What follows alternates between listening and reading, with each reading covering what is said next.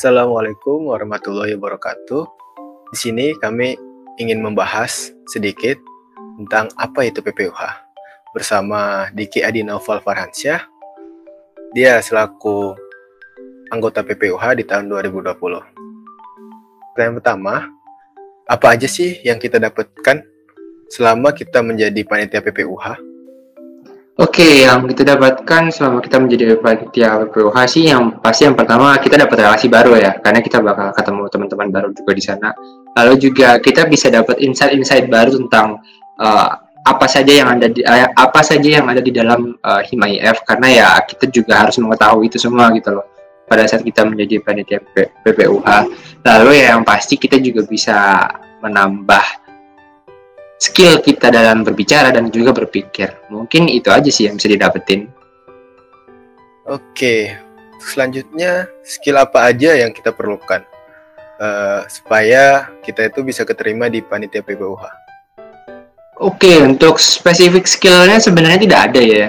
Cuman ada skill-skill dasar yang memang dibutuhkan gitu Selama kita bisa berbicara dan juga selama kita bisa berpikir, itu pasti sudah bisa untuk diterima menjadi PPUH, panitia PPUH. Seperti itu. Kalau untuk PPUH sendiri, apa saja proker-proker yang akan dijalankan? Oke, untuk proker yang akan dijalanin ya, yang pasti kan ini panitia pemilihan uh, umum gitu kan.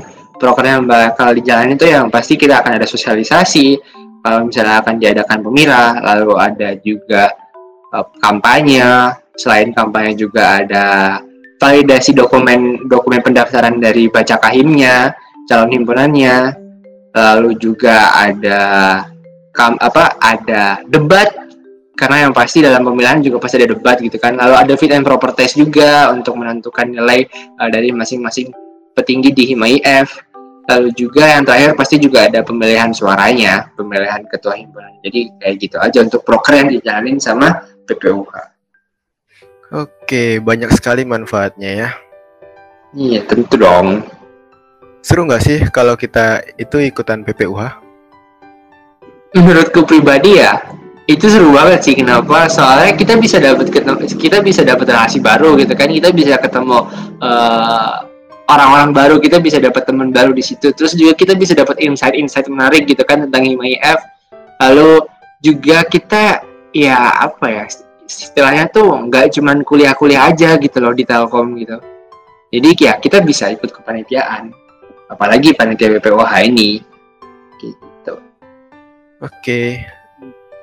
Di PPOH sendiri ada divisi apa aja sih kak? Boleh kasih gambarannya nggak? Uh, biar nggak okay. bingung. Oke. Okay. Mungkin untuk gambaran ya, untuk gambaran sendiri uh, ada divisi apa aja? Yang pasti ada divisi inti. Ini inti itu terdiri dari ya ketua, bendahara dan sekretaris. Lalu ada divisi acara, ada divisi logistik dan juga ada divisi publikasi dan dokumentasi. Kayak gitu. Jadi yang masing-masing tersebut ya sesuai dengan namanya, logistik mengurus uh, yang mengurus tentang logistik pada saat acara, lalu yang divisi acara yang menentukan timeline dan segala macamnya yang berhubungan dengan acara, divisi inti yang memimpin semua divisi-divisi di bawahnya, bendahara dan sekretaris juga ya, bendahara yang mengurus keuangan dan juga sekretaris yang mengurus surat persyaratan dan juga dokumen yang diperlukan.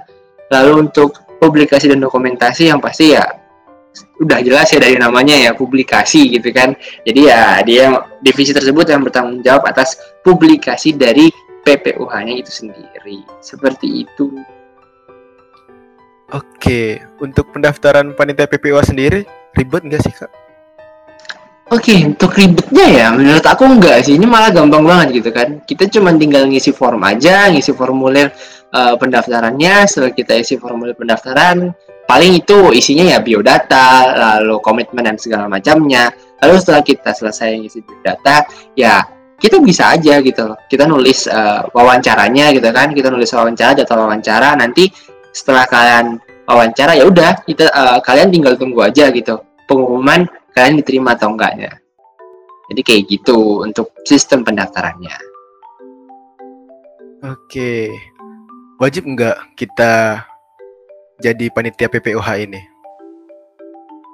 Oke mungkin untuk wajib atau enggaknya ya sebenarnya itu relatif gitu. Kenapa? Karena ya kalian kan sebagai penerus dari HIMIF gitu loh jadi kan kayak mungkin itu kalian nggak ada ikut andil atau ikut membantu dalam melaksanakan uh, tongkat estafet kepemimpinan di HIMIF gitu loh. Jadi menurutku ya menurutku ini wajib gitu loh. Kenapa ya? Kalian juga harus ikut andil gitu loh. Dalam uh, apa ya istilahnya memenuhi tongkat estafet kepemimpinan gitu. Kalau misalnya saat saat menjadi PPH saat menjadi PPH nanti apakah kita berhak untuk memihak seseorang? Serta apakah saat permif nanti berjalan kita berhak memilih seseorang atau kita harus golput kak?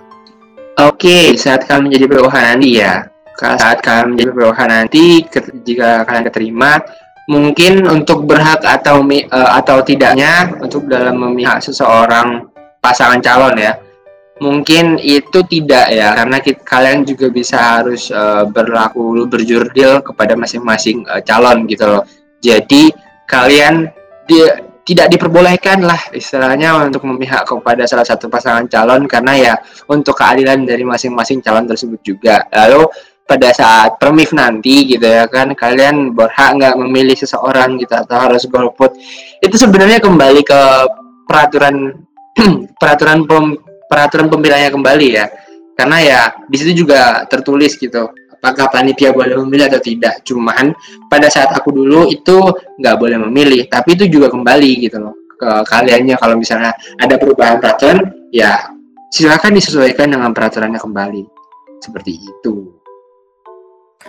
Oke, mungkin sekian dari pertanyaan saya dan semoga apa yang disampaikan dari Kak Diki akan bermanfaat bagi kita semua. Dan sampai jumpa kembali di episode-episode kami yang selanjutnya.